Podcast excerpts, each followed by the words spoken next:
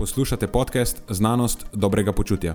To je oddaja, v kateri odkrivamo, kako lahko znanost pomaga izboljšati vaše počutje in kako kritično razmišljanje omogoča sprejemanje dobrih odločitev na področju zdravja in fitnesa.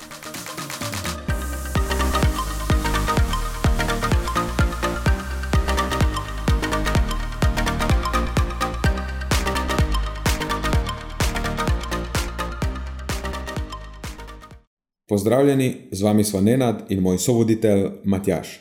Glavni temi tokratne epizode sta najprej vpliv diet z nižjim oziroma višjim deležem oglikovih hidratov in diet z višjim oziroma nižjim glikemičnim indeksom na simptome sindroma policističnih jajčnikov s komponentami odpornosti proti inzulinu in povišanih ravni androgenov potem pa vpliv mediteranske diete in njenih izpeljank DASH in MIND diete na zdravje možganov pri starostnikih ter v preventivi pred nevrodegenerativnimi stanji na splošno. Preden začnemo, pa se moram zahvaliti še našim sponzorjem. Zaenkrat to še vedno ni velika korporacija, temveč zvesti poslušalci, ki nam izkazujete zaupanje in podporo s prijavo v našo člansko skupino Znanost dobrega počutja. Hvala vsem, ki s tem držite luči prižgane in omogočate podkastu, da raste in postaja še bolj kakovosten. Hvala tudi vsem, ki nas podpirate s pozitivnimi komentarji in visokimi ocenami, ter s tem, da priporočate podcast svojim znancem in prijateljem. Zdaj pa je končno čas za začetek epizode. Uživajte ob poslušanju.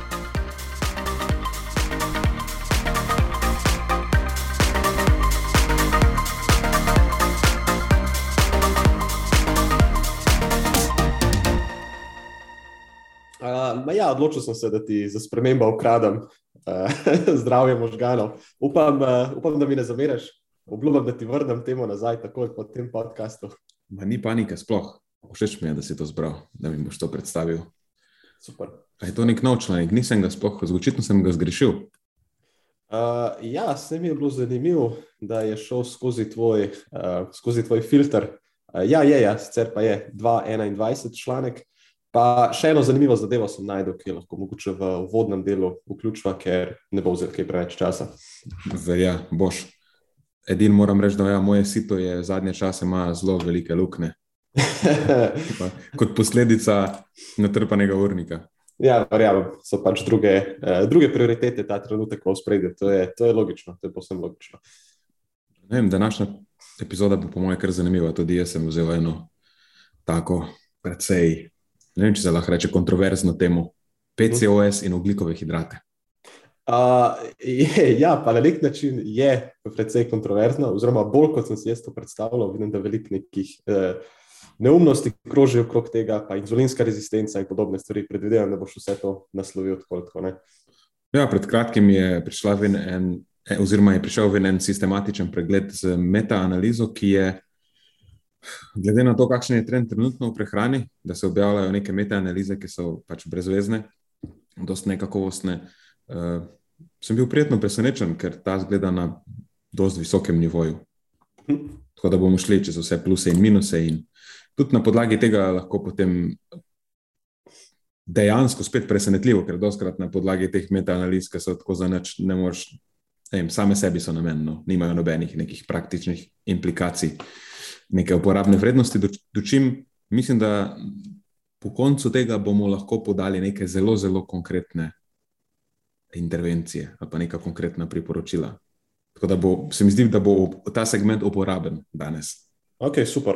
Uh, ja, res je. Ja. Mislim, da v zadnjih dveh letih je bila precej porast teh metaanaliz, malo manj uporabnih, če bi se lahko lepo izrazil. Morda tudi na račun tega, da smo nekaj časa bili lani v, v lockdownu in so se vse uh, raziskave mogle ustaviti in kaj potem lahko delaš v tistem času, če si primoran, če si pod pritiskom, publish or perish uh, sistema, kaj lahko narediš, neke sistematične preglede, narrative review, meta, ja, mislim, objavljaš. Brez veze. Ja. ja, ampak nekako to vse ni izgovor, da narediš brez veze, vse še zmeraj narediš kakovostno. Ne, ne, absolutno ne, absolutno ne. Iščem samo neko, um, neko razlago, zakaj je bila taka porast v tem, uh, v, te, v tem zadnjem obdobju ravno takih uh, objav. Pa, uh, Preden začnemo, ne, ne, ne morem reči, še eno stvar ti bom ukradel. Uh, sem mislil, da boš ti načel s tem, zato ker si pač domačin, ampak uh, Mura je zmagala na Tottenhamu Halo, to moramo reči. Ja, itak, ja. Zato, to je že en teden, to je že en teden staro, ampak ja, precej odmevno je bilo to. Pa ne samo to, tudi Maribor je padel. Tudi, tudi Takoj Maribor je zatem. padel. Ja, je res, je, je, mislim, Maribor mora je eno tako rivalstvo, ki. Ne vem, če bi vprašal eh, lokalne navijače, kaj jim je bilo bolj pomembno, bi, eh, vem, bi kar ustavil, ustavil eno vsoto denarja, da je bila ta druga zmaga. Resno? Ne moram Ne verjeti. Mislim, nisem, nisem se pogovarjal z njimi, ampak predvideval bi, da je vse je nekaj eh, na tem, da pade Maribor. Okay, uh, podcenjeval sem to rivalstvo več kot očitno. Jaz sem pogledal Tottenham in sem bil totalno šokiran, ker se gre za uh, sicer izvrsten klub. Tako da, uh, če ne, bravo, mora. Uh, ja, nisem se nekaj poglabljal v te novice, ne sledim zadnje čase, pravim, nimam časa. Na hitro sem preveril in se mi zdi, mislim, Tottenham ni igral z neko uh, kmečko postavo. Uh, Kot je meni znano, tudi ne. Ni, niso prišli v svojo C ekipo, ampak so kar uh, ohranili svojo Ja, ker je bil klasično Kane- postavko. Kane je Tako. bil na slikah in, in nositi ta boljši, tako da igralec, ki je vreden več kot cela mura, kot celota, bistveno mislim, več. nekajkratnik mure več. je igralec, je vreden nekajkratnik. Ne samo igralcev, ampak tudi če vključiš stadion in po mojem lahko celo mesto Murska sobota kupiš s tem denarjem. ja, ja, to so ja, ne- nenormalno vse te denarje. So. Uh, Kaj se je tukaj zgodilo, nimam pojma. Ampak to je lej, včasih v športu. Ja, uh, žoga je okrogla, slovenci smo pa več kot očitno izvrstni športniki, kar smo že obdelovali v tem podkastu. Ja, A, totalni outlieri. res je. Ok, a to je bila aktualnost. To je bila aktualnost. Uh, pa, pa imam še eno, mogoče lahko sem vključen. No. Sicer je raziskava, ampak res zelo na hitro bi obdelal, ker ni nič presenetljivega, samo zanimivo se mi je zdelo, zdaj zadnji trenutek, preden smo začeli snemati, mi je padla v feed. Uh, gre se za raziskavo Džila in sodelavcev, kjer so gledali korelacijo med mišično maso uh, vastus lateralisa, to je ta zunanja glava prednjih stegenskih mišic, uh, in pa mišične moči, katere so merili s tistim klasičnim uh, moči stiska dlani, uh, je pozitivno povezana s krajšim časom hospitalizacije pri posameznikih, ki so bili hospitalizirani z srednje intenzivnimi do intenzivnimi simptomi našega slavnega COVID-a. Uh, ta raziskava je bila narejena na skoraj 200 posameznikih, starih približno 60 let, uh, in povprečna doba hospitalizacije je bila par dni krajša v primeru večje moči in večjega deleža mišične mase. Uh, pravim, da je nepresenetljivo zato, ker imamo podobne podatke tudi za, eh, tudi za, druga obolenja, druge oblike hospitalizacij, ampak za COVID je bilo konkretno to eno izmed takih bolj novih potrdil tudi na tem naslovu. Tako da ne pravim, da je zdaj mišična masa, pa moč, da sta, oziroma fitnesiranje na splošno, da sta neko neprebojno orožje zoper COVID-u, daleč, daleč od tega, ampak uh, očitno lahko tudi ta stvar pripomore k nekemu hitrejšemu okrevanju, kot lahko zasledimo tudi pri, pri drugih tipih hospitalizacij. Tako da, Mislim, to je v skladu s tem, kar že vemo. V boljši formi kot to. si, točno to. boljša je tvoja prognoza pri praktično vseh nalezljivih boleznih. Tako, tako, točno to. In, uh, in opažamo tako pogosto, ko imamo kakšna predavanja ali pa delamo s strankami, da uh, se mi zdi, da jemljajo to mišično maso bolj kot ne samo za, za nek vizualni lepotni izgled, ampak pusta masa je res veliko, veliko bolj uh, pomembna kot zgolj to. Uh, ja, tako, Ja. Pomemben določevalec kakovosti življenja tako, tako, v vseh pogledih, na vseh področjih življenja, tako. Evo ga. ne samo na plaži. Čeprav, čeprav tudi tam je pomembno. Evo, to sta bili uh, aktualnosti, ki sem jih hotel izpostaviti. Okay. Imamo še eno filgut aktualnost, ki Mhm. jo moramo uh, omeniti. Sicer nismo se še zmenili za datum, ampak ideja je, da posnamemo eno epizodo.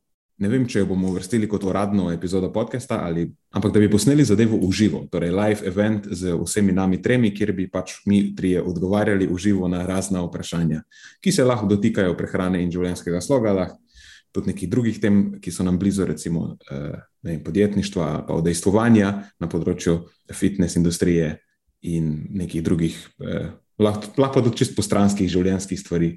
Vem, da bi naredili neko tako interaktivno epizodo. To je bila ideja, je prišla strani našega eh, PR oddelka. Torej, od nedavno imamo tudi svoj PR oddelek, torej outsourcer smo neke stvari uh, ljudem, ki se spoznajo na te stvari, in smo zelo zadovoljni z rezultati za enkrat. Ja, ja absolutno. Uh, mislim, da so rezultati več kot opazni, če ne drugega. Lahko vržete uč na naš Instagram feed, pa boste videli razliko prej potem. Uh, ja, super si se spomnil, to ne tako mi čakam, ta live event.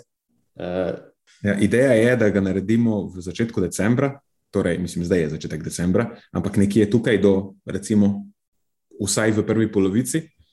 E, tako da stay tuned, torej ostanite na zvezi, če vas zanima točen datum, nismo se še zmenili, uh, smo rekli, da bo vikend. Uh, mislim, da še nismo določili za 100%. Si pa ti predlagal, se mi zdi, na, na koncu temo, oziroma naslov tega QA. -ja, ja nekako glavni naslov uh, bi bil, da te decembrske teme bi bile. Uh -huh, uh -huh. Vključene, predvsem kako sproščeno preživeti praznike in kako mi te stvari handlamo, oziroma kako, se, kako mi uh, dojemamo pomembnost uh, prehrane in vem, vadbe in vseh drugih dejavnikov življenjskega sloga v tem decembrskem času, koliko se je sploh relevantno s tem ukvarjati, koliko ne. Uh, ker zdaj bo spet predvidevam poplava teh nekih uh, influencerskih postov, uh, ki so ne vem, koliko so koristni dejansko. Ja, ja, res je, res je. Tako da, uh, stay tuned ja, za prvi Feel Good Life. Tako je. Ok, bo to za dosto ogrevanja. Ja, ja, ogrevanje je zaključeno. Cool. Kako se bo lotil te zadeve? Ali lahko jaz po, začnem z PCOS in oglikovimi hidrati? Absolutno, prosim, zanima me. Ok, cool. Torej, danes bomo obdelovali, kot že rečeno, sistematičen pregled z metaanalizo. Avtor, oziroma prvi avtor je Kazemi in potem njegovi sodelavci. Članek je bil objavljen v reviji Advances in Nutrition, tako da že na podlagi tega lahko sklepamo, da gre za malo boljši članek. Načeloma je to bolj uveljavljena revija, ugledna revija. Je čist svež, 2021. Naslov bom kar prevedel v slovenščino da se ne zapletam, in prevod gre nekako tako: učinek glikemičnega indeksa in glikemične obremenitve na kardiometabolni in reproduktivni profil žensk s sindromom policističnih jajčnikov, ne sistematičen pregled in metaanaliza randomiziranih kliničnih raziskav. Tako da s tem se bomo v tem prvem segmentu ukvarjali. Čisto po domače povedano, pač gre za ugotavljanje tega, kakšen vpliv ima ne samo količina ugljikovih hidratov, ampak tudi nekakšna kakovost ugljikovih hidratov v prehrani, na um, v prvi vrsti odpornost proti inzulinu, pa povišene ravni uh, androgenov. Vemo, recimo, da odpornost proti inzulinu, oziroma inzulinska rezistenca je izraz, ki se še uporablja, pa povišene ravni androgenov. Zdaj, androgeni so ne, steroidni hormoni, ki najpomembneje uravnavajo razvoj in ohranjanje Eh, moških spolnih karakteristik. Vemo, da sta to uh, tudi dve pomembni karakteristiki sindroma policističnih jajčnikov, nedoločenih tipov. Ne, to govorimo o odpornosti proti inzulinu in povišenih ravneh androgenov. Kar se tiče slednjega, je tako, da androgeni so med puberteto povišeni. Predvsem pri moških, to je neka značilna stvar, ki se takrat zgodi, ne, da se sproži ta razvoj sekundarnih moških karakteristik, ampak tudi pri ženskah, oziroma puncah, takrat, če se povišajo. In tudi pri puncah imajo vlogo v normalnem razvoju, in tudi kasneje v odrasli dobi te androgeni igrajo neko vlogo, ampak absolutno med spoloma obstaja ogromna razlika v koncentracijah, in načeloma je pri ženskah ta veliko nižja. In potem prekomerne, oziroma prekomerno povišene ravni androgenov pri ženskah so povezane z nekimi simptomi motenj presnove in drugimi neugodnimi izidi, predvsem na področju srčno-žilnega zdravja. Uh, in zdaj ta hiperandrogenizem, torej povišene ravni androgenov, uh, pri teh ženskah pogosto vključujejo tudi, oziroma so povezane s povišeno telesno maso, telesno zamaščenostjo, oziroma prekomerno zamaščenostjo, in predvsem tukaj govorimo o tej abdominalni zamaščenosti okoli trebuha. Je, pa, govorimo o taki razporeditvi maščobe, kot je bolj značilna za moške. Recimo. In tudi ta razporeditev maščobe specifično je bolj povezana z neugodnimi vplivi na kardiometabolno zdravje, torej na presnovno zdravje, pa zdravje srčno-žilnega sistema. No, in potem je v tej zgodbi še odpornost proti inzulinu, ki po domače povedano pomeni moteno presnovo oglikovih hidratov, in določene oblike PCOS imajo tudi to komponento, in ta komponenta je eh, nek dejavnik tveganja za neko stvar, ki lahko rečemo poslabšana toleranca na glukozo. Glukoz intolerance je izraz, ki se uporablja v literaturi, in tudi ta je močan eh, dejavnik povišanega kardiometabolnega tveganja. Ne spet govorimo uh, o tveganju za poslabšen presnovni profil in razvoj nekih srčno-žilnih uh, stanj.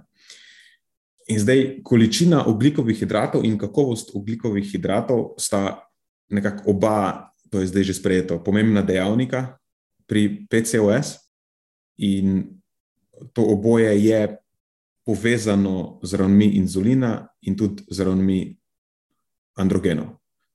Nekako na podlagi teh raziskav, ki jih zdaj že imamo, uh, sklepamo, da je višji vnos OH na splošno in nižja kakovost. Mislim, ta beseda kakovost mi fulni všeč, ampak govorimo načeloma, rečemo, da so nižje kakovostni ugljikovi hidrati tisti, ki imajo višji glikemični indeks. Ne. To je pač to je stvar terminologije. No. Uh, ta kakovost ne zdi se mi pač na tej točki, ker uh, ljudje pol takoj eh, dobijo občutek, da ne, če rečeš kakovostno, ne kakovostno, da oni ne kakovostni, pa so ful slabi, pa vse je nek ne. Ja, neka negativna konotacija. Ja, neka negativna konotacija se, ja, se, se takoj pojavi. Ampak, ok, recimo, da s tem operiramo. Ne? Ko rečemo manj kakovostni, načeloma mislimo višji glikemični indeks. Čeprav meni osebno to morda ni všeč, tako pač je v literaturi. Uh, uh, kje sem ostal, malo sem se zapletel. V glavnem, ja, više vnos ugljikovih hidratov na splošno in nižja kakovost ugljikovih hidratov um, pri ljudeh s poslabšano presnovo ugljikovih hidratov ponavadi potem pomenita tudi neke neidealne ali pa kronično previsoke ravni uh, inzulina in potem tudi te ravni inzulina in ravni androgenov so med seboj povezane. Povišan inzulin stimulira načeloma poti produkcije androgenov, In uh, to razmerje med povišanim inzulinom in povišanimi ravnmi androgenov, temu rečemo hiperandrogenizem, neko že rečeno, je tudi eden izmed, uh, najbrž eden izmed glavnih uh, patofizioloških, oziroma ne, lahko to prevedemo v bolezenskih uh, driverjev, kako je slovenska beseda, torej nečesa, kar, kar vodi presnovne in ovulatorne. Spremembe ali pa presnovno in ovulatorno disregulacijo, ki je značilna za PCOS.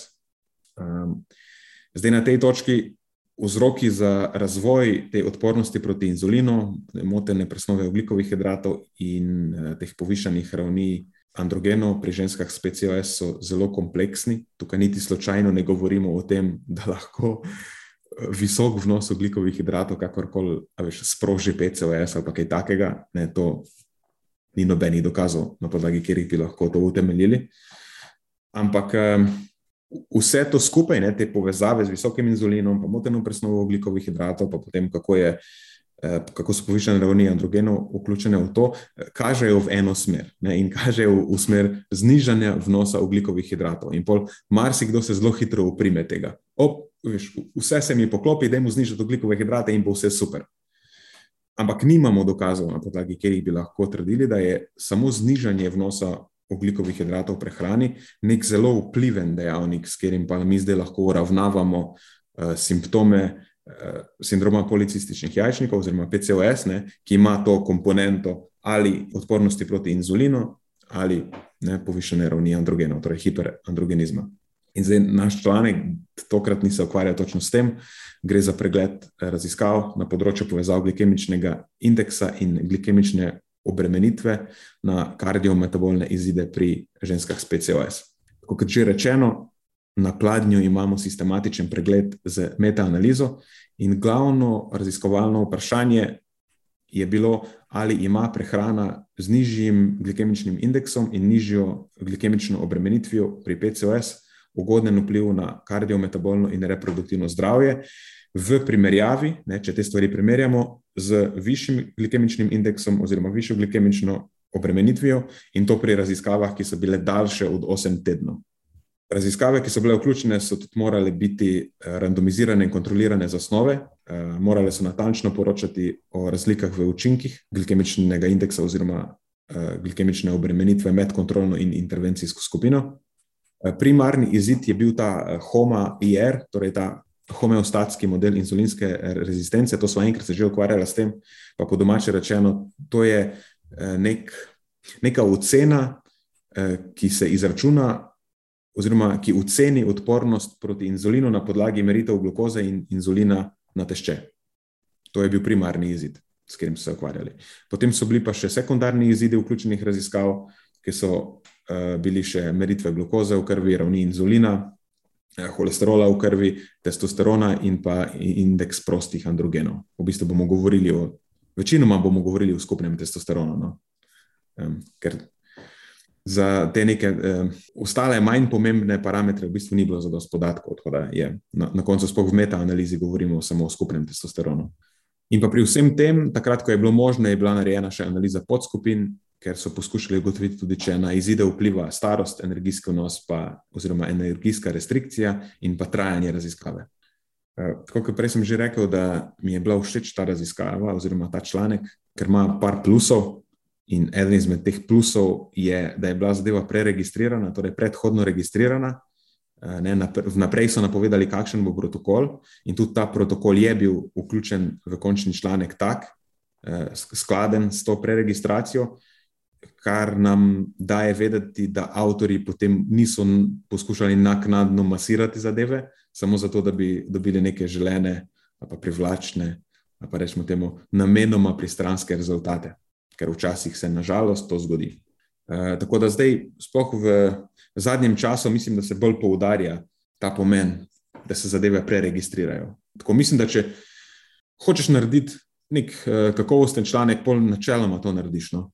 Vnaprej poveš, kaj boš preveril, na kak način boš preveril, in potem se tega držiš. Ne, ne da na koncu potem masiraš te zadeve, samo da bi pokazal nekaj, kar v bistvu ti želiš pokazati. To je zelo neznanstven pristop, kot zdaj nas, naši poslušalci najbrž živejo na tej točki. Upam.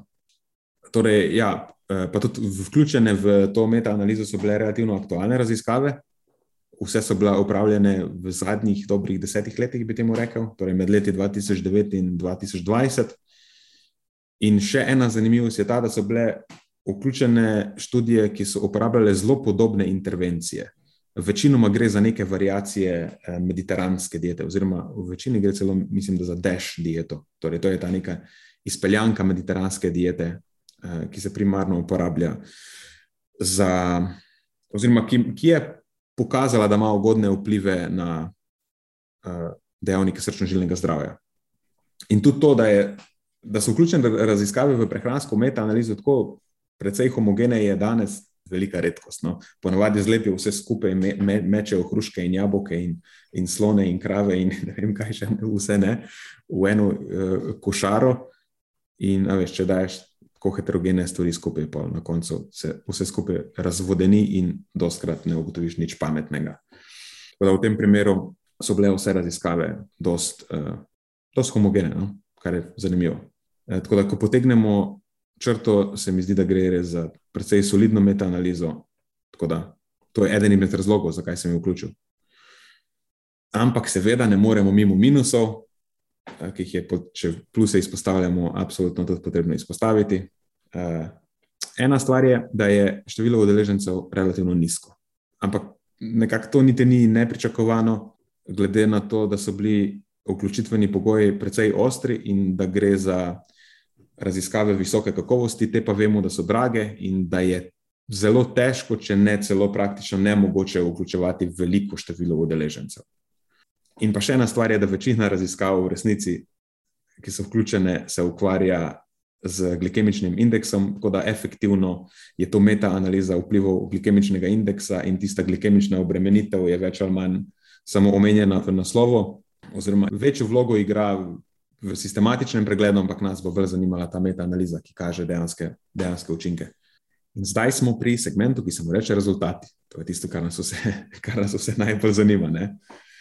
E, tako da, če začnemo pri sistematičnem pregledu, sistematičen pregled vključuje deset randomiziranih kliničnih raziskav. E, to je bilo skupno je bilo 20 interventnih in kontrolnih skupin, za skupno 202 od interventnih in 201 udeleženkov v kontrolni skupini. In od teh desetih jih je sedem imelo dovolj podatkov, da so potem na njihovi podlagi lahko izvedli tudi metaanalizo. In samo dve od teh sta se osredotočali na glikemično obremenitev, ostale na glikemični indeks. Tako da zdaj, ko bomo predstavili rezultate, v bistvu govorimo o glikemičnem indeksu.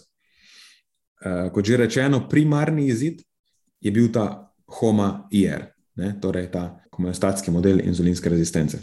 In gre tako, da v primerjavi s kontrolnimi skupinami z visokim glikemičnim indeksom je prehrana z nizkim glikemičnim indeksom vodila v statistično značilen eh, nižji HOMA-IR, ampak potem analiza podskupin je pokazala, da je bil ta učinek eh, bolj učiten ali pa zelo učiten samo v raziskavah, ki so poleg te eh, omejitve ali pa zniženega glikemičnega indeksa vključevali tudi energijsko restrikcijo ne, po domače, takrat, ko je šlo v kombinaciji z znižanjem glikemičnega indeksa, tudi za eh, shojševalno dieto. Potem, kar se tiče sekundarnih izidov, eden je bil inzulin na tešče in spet v primerjavi s kontrolnimi skupinami z visokim glikemičnim indeksom je bil inzulin na tešče eh, statistično značilno nižji pri prehrani z nižjim glikemičnim indeksom, ampak spet je bil učinek bolj učiten pri Eh, mlajših udeleženkah, to so bile te, ki so stare manj od 30 let, pa pri raziskavah z energijsko restrikcijo in tistih, ki so trajale več kot 16 tednov. Eh, pri glukozi na tešče, zanimivo, ni bilo statistično značilne razlike med dietami.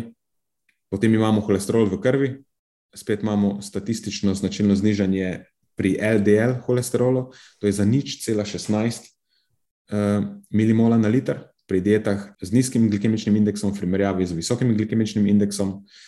Podobno je bilo tudi pri trigliceridih, spet za nič cela 16 milimola na liter, ampak relativno gledano je to precej uh, večje znižanje kot za LDL holesterol, ne, ker so te referenčne vrednosti za LDL-C so precej više. Tako da pač relativno je vpliv na trigliceride bil uh, višji, večji.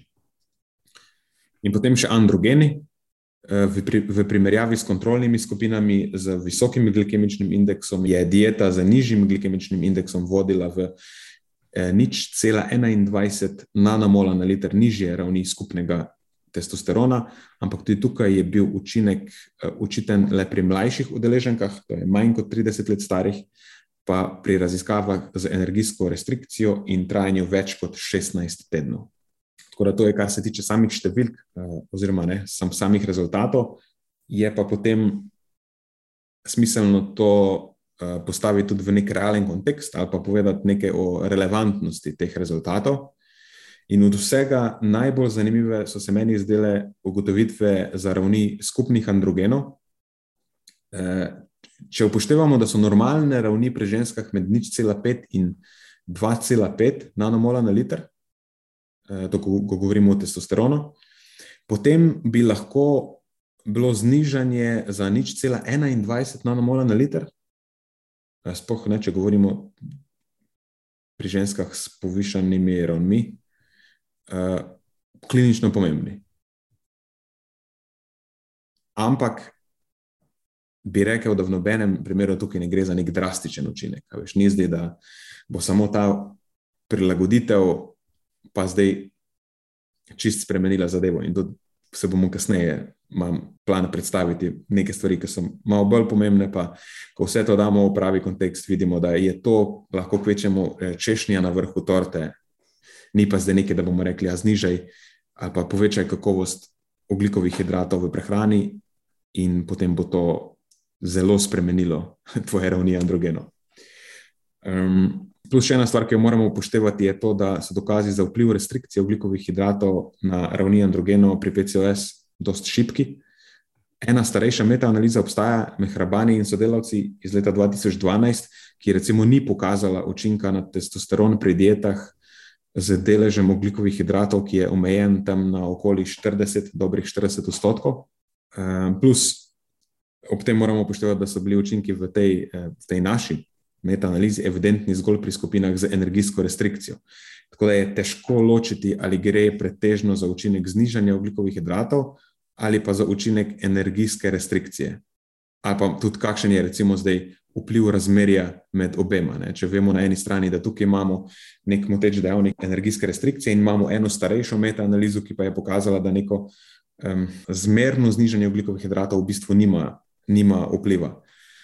Um, je pa tako, da pač na tem področju um, ni dobrih raziskav, in mene malo žalosti, ker se ta uh, PC, PCOS raziskovalci, oziroma ta PCOS research community na splošno, um, nekako očitno se raje ukvarja z iskanjem nek, nekih čudežnih dopolnil na mestu, da bi poskušali ugotavljati vpliv nekih relevantnih prehranskih prilagoditev. Veš, vsi bi iskali nekaj. Uh, ne vem, raziskuje se inozitol, pa neki čajčki, pa ne vem, eh, metini čajčki, pa take in drugačne stvari, ki so v veliki sliki najbrž čist nerelevantne in se pač zapravlja čas pa denar za to. Uh, ampak dobro, da, da ne zaidem preveč, pa da ne, ne vnašam ja. preveč negativizma zdaj v ta segment. Ja, to je podobno, kot da bi pri športnikih raziskovali pomen nekih čudnih dopolnil, pa, pa, pa popolnoma zanemarjali vem, vnos energije, ugljikovih hidratov, maščob, takih stvari ja. Uh, ker vse vemo, da ej, če nimaš stvari v osnovah uh, zrihtanih, potem veš tudi vpliv vse, vseh teh češnjic, ki jih daješ po vrhu, se mogoče sploh ne izrazi. Mogoče bi, bi, bi res lahko neke te stvari koristile, ampak sigurno ne v izolaciji same po sebi in uh, v, v kontekstu, kjer osnove niso zrihtane. Ja, češnja na vrhu sladoleda zgleda dobro, samo če je tisti sladoled v osnovi dober. Če je pa tako že malo stopljen, a veš, pa tako malo kapa čez, pa, pa ni glih dobro zgrajen, nima dobrih osnov, pa ja, je pa dost irrelevantno, kaj gor vržeš. Ja, res je. Uh, no, kar se tiče teh re relevantnosti rezultatov, je pa potem še primarni izid, ki ga vsekakor moramo omeniti, ki je bil ta HOMA-IR. Uh, Pričemer, kot že rečeno, je pri dietah z nižjim glikemičnim indeksom v primerjavi z višjim glikemičnim indeksom res prišlo do znižanja za nič cela 78 oziroma 1,02 eh, pri raziskavah, ki so vključevale tudi energijsko restrikcijo. In zdaj za ta uh, HOMA-IR so eh, zaželjene vrednosti, oziroma lahko mogoče temu rečemo referenčne vrednosti, med nič cela 5 pa 1,4 in to pomeni normalno občutljivost na inzulin. Nad 1,9 pomeni zgodnjo odpornost proti inzulinu, nad 2,9 pa pomeni hudo odpornost proti inzulinu. Tako da tudi tukaj mogoče učinek diete z nižjim glikemičnim indeksom bi lahko bil klinično relevanten.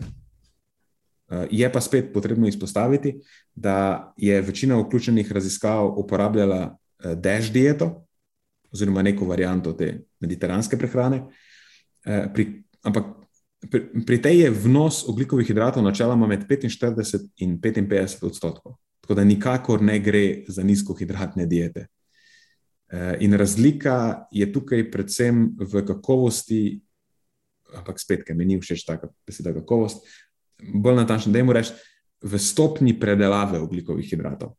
Mm, in čist možno je, da je delež, sam delež oglikovih hidratov v tej zgodbi, dost nerelevanten in je potem učinek skoraj izključno na račun zamenjave bolj rafiniranih oglikovih hidratov z nerafiniranimi viri, oziroma z viri, ki imajo višjo vsebnost vlaknin, so bolj celi. Um, ampak spet tudi tukaj manjka dobrih raziskav, manjka raziskav, ki bi dejansko poskušale priti do dna temu, ali ima že samo znižanje deleža oglikovih hidratov v prehrani, eh, potem neodvisno od kakovosti izbir, lahko tudi nek samostojen vpliv dejansko trenutno nimamo dokazov, na podlagi katerih bi lahko trdili, da bo to neka vplivna intervencija, ne, da samo znižamo ugljikove hidrate. E, in še dve stvari bi izpostavil tukaj, ki jih nekako članek, sicer niso jih raziskovalci jih niso izpostavljali, ampak se mi zdi vredno jih omeniti. Ena izmed vključenih raziskav, ki je ugotavljala močan vpliv oboje na presnovne izide, pa tudi na ravni skupnega testosterona, je uporabljala visoko beljakovinsko dieto. To je bilo je 30 odstotkov skupnega energijskega vnosa iz beljakovin. In tudi ostale so uporabljale diete z nekje med 15 in 20 odstotki beljakovin.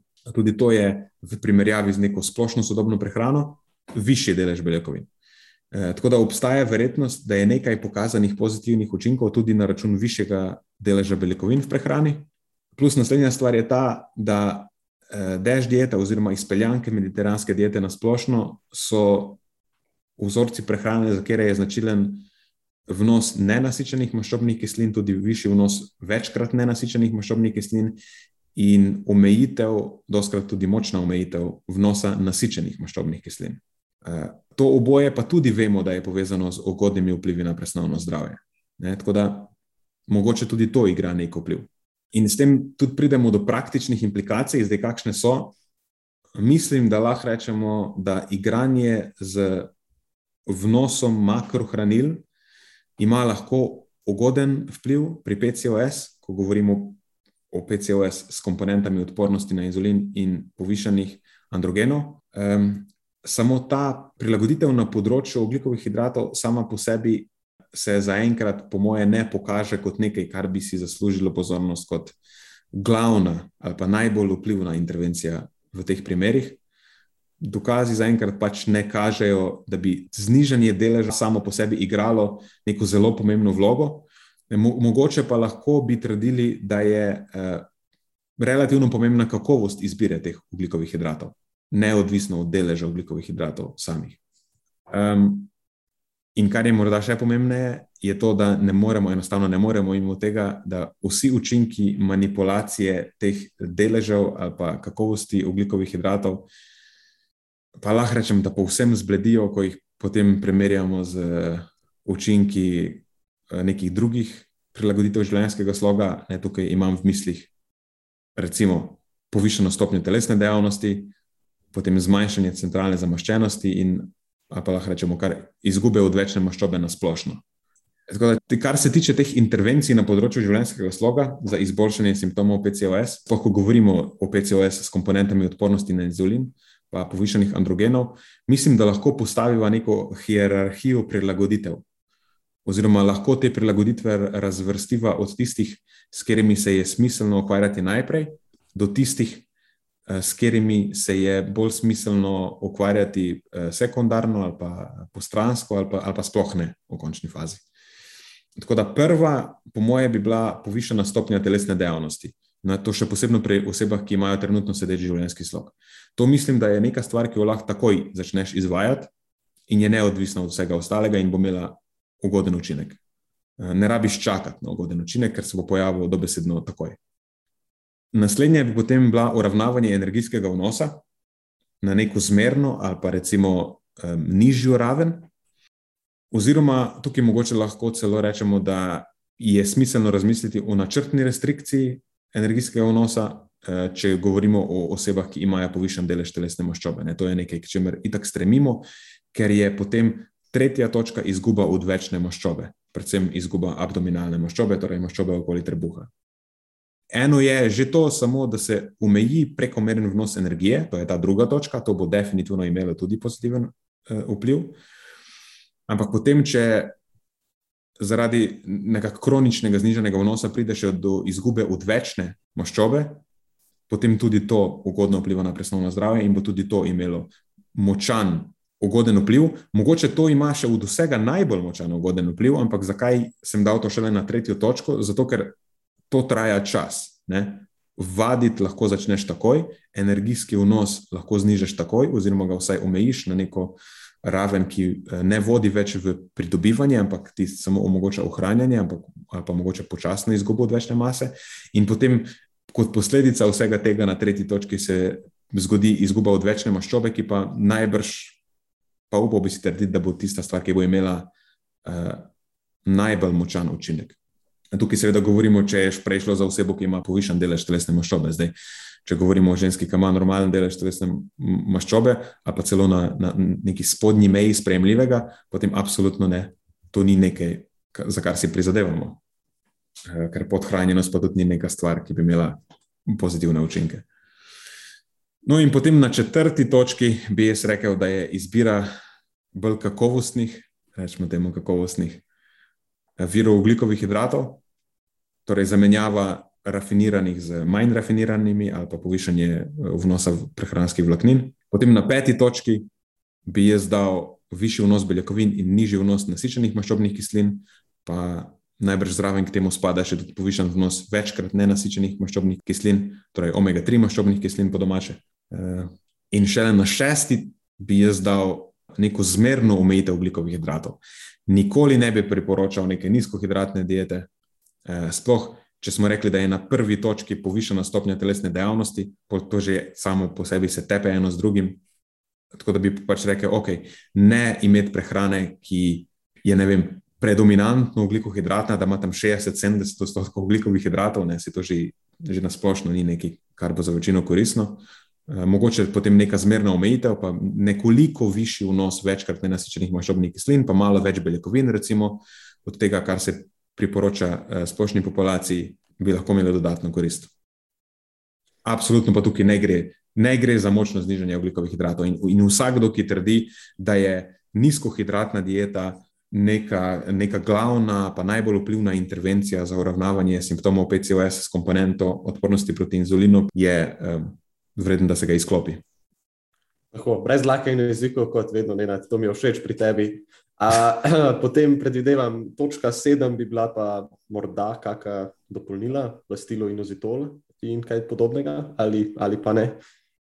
Ja, bi rekel, zdaj tega inozitola nisem vključil v, v to neko hierarhijo, ker se mi zdi, da inozitol mogoče res lahko usporedno se dodaja. Inozitol lahko na kjerkoli točki dodaš, teh par gramov, tudi celo epizodo so o tem posneli. Um, mislim, da neodvisno od vsega tega, o čemer smo se pogovarjali, nekako inozitol pač kaže v literaturi ugodne učinke. Tako da jaz bi ta inozitol izvzel iz tega in bi rekel, da usporedno s tem se poskusi tudi z dodajanjem inozitola. Okay, okay. To je ja, neka, neka podporna strategija vsemu temu. Uh, super, uh, zelo, zelo zanimivo. Všeč mi je, da si speljal to hierarhijo. Ven. Zdaj imamo v bistvu že, že tretjo hierarhijo prehranskih potreb, po tisti za generalno populacijo in tisti za športnike. Uh, in ta je uh, unikatna sama po sebi.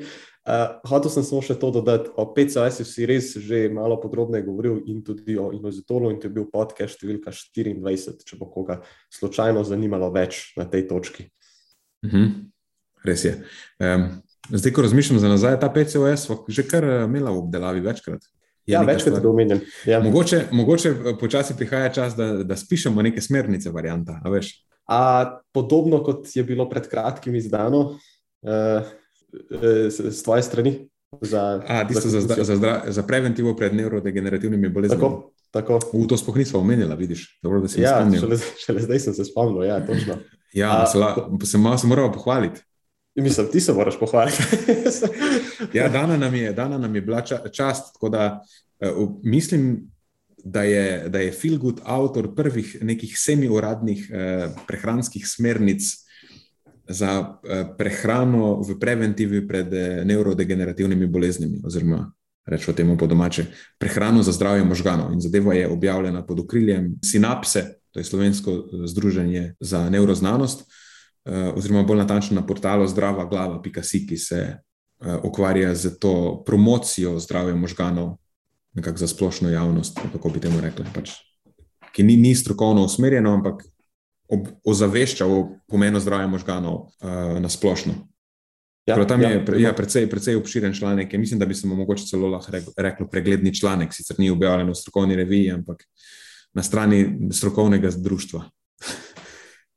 Veš, mogoče je to tudi nekaj, kar lahko predstavijo enkrat na podkastu. Ja. Je pa vsekakor, mislim, članek je šel skozi strokovno preverbo, tako da se ga je preverjala avtoriteta na področju zdravja možganov v Sloveniji. Ja, to je res. Ja. V bistvu si imel svoj peer review. Ja, absolutno, da sem ga imel. Ja. Ja, ja, ja. Super. Uh, to je bilo v bistvu čist pobotoma in ne hote, ampak na nek način tudi zelo dobra vrtura v moj segment. Ja, v bistvu res. Ja. Super. Uh, pa pa najbolje, da kar, kar tole otvorim. Če smo že na zdravju možganov, uh, kot je Nena dušali rekel, da sem mu danes ukradel njegovo temo. Dejansko sem jo ukradel človeku, ki je spisal te smernice ne, ne morem verjeti. Uh, šalim se. Uh, naslov članka Dejna in sodelavcev, ki je šel letos, kot si me prej spraševal, ne v Journalu of Alzheimer's Disease, je naslovljen Mind Diet, Common Brain Pathologies and Cognition in Community Dwelling Older Adults, oziroma vpliv mind diete na reč, zdravje možganov, kognicijo ali pa na nek način na kognitivno rezilienco pri starostnikih. Uh, mogoče začnemo s tem, kaj za vraga sploh je mind dieta. Gre se za neko vrste hibrid med mediteransko prehrano in med dash dieto, ki si jo ti prej omenjal, uh, oziroma to uh, dietary strategies to prevent hypertension, oziroma neke prehranske strategije zoper uh, hipertenziji, po, po naše, tako pa neki taki malo uh, po slabem prevodu. Uh, Mind, po drugi strani, je pa kratica za Mediterranean vezaj Dash Intervention for Neurode Neurodegenerative Delay, oziroma uh, prehranske intervencije usmerjene zoper neurodegenerativnim obolenjem ter pacu v kognitivnih sposobnostih staranja. In na nek način je v bistvu precej podobna dieta mediteranski, oziroma dež dieti, ima pa nekatere malenkostne preureditve, oziroma mogoče spodbuja vnos nekaterih živil v večji meri kot mediteranska ali pa dež dieta. Ampak načeloma se gre za podobno izpeljanko. Ne? Pri vseh, pri vseh dietah nekako spodbuja se vnos uh, visok delež manj predelanih živil, zelenjave, rib, stročnic, polnovrednih stvari in podobno. Okay, mogoče se lahko dejansko nasloviva na, na tiste naše smernice, Aha. ker je v prvem segmentu predstavljena ta evolucija. Imamo vzorec, mediteranski vzorec prehrane, iz katerega je potem bila izpeljana dež dieta, v namen eh, nekako poskušali so z njo. Uh, še bolj ugodno vplivati na zdravje srčno-žilnega sistema. In potem so pri Rush Institutu, to je Rush Institute for Health and Aging na Rush University Medical Center. Uh, to je bilo nekako pod okriljem Martha Claire Morris. Ona je nažalost lani umrla za pač posledicami raka na, na požiralniku, dosti mlada, nažalost. Ona je tudi nekako mama te mind diete. Mhm. Eh, no, tam pri njih so potem na podlagi eh, nekih aktualnih eh, ugotovitev na, na, na področju zdravja možganov, pa na, na področju neurodegeneracije, nadgradili to dež dieto, ki je že dost uveljavljena kot nekaj, kar ima očitno pozitivne učinke na zdravje srčno-žilnega sistema, ki je tudi zelo pomemben dejavnik zdravja možganov. Dodali še neke dodatne prilagoditve, ki so bolj specifično povezane z zdravjem možganov, pa zniženim tveganjem za neurodegeneracijo. Tukaj so najbolj, najbolj vplivne pri sadju, priporočajo povišen vnos jagodiča, specifično pri zelenjavi izpostavljajo zeleno listnato zelenjavo, eh, omejujejo polnomastne mlečne izdelke. Um, zdaj mi ne pade na pamet še neka druga stvar, ampak se je ne spomnim morda tudi, ne vem, zadosten vnos omega-3 v obliki rib in podobne stvari. Ja, to je že del kot dež. Aha, ja, ja. Ampak ok, to je v glavnem tako zelo na hitro povzeto, so mislim, da to tri glavne prilagoditve. Ja, ja, ja recimo. Um, Točno to, pa, ja, to sem v bistvu hotel reči. Če hoče kdo tudi v sliki videti, kaj so dejansko razlike, ker sem naredil tako interaktivno infografiko, tam, ki se odvrti, v tistem članku lahko zelo dobro ugotovi, kaj so dejansko razlike med mediteransko, ne tudi kaj so specifično kriteriji, da je nekaj mediteranska prehrana, da je nekaj dež prehrana in da je nekaj mind prehrana. Tako da bo pač preveril tisti članek. Uh -huh, uh -huh.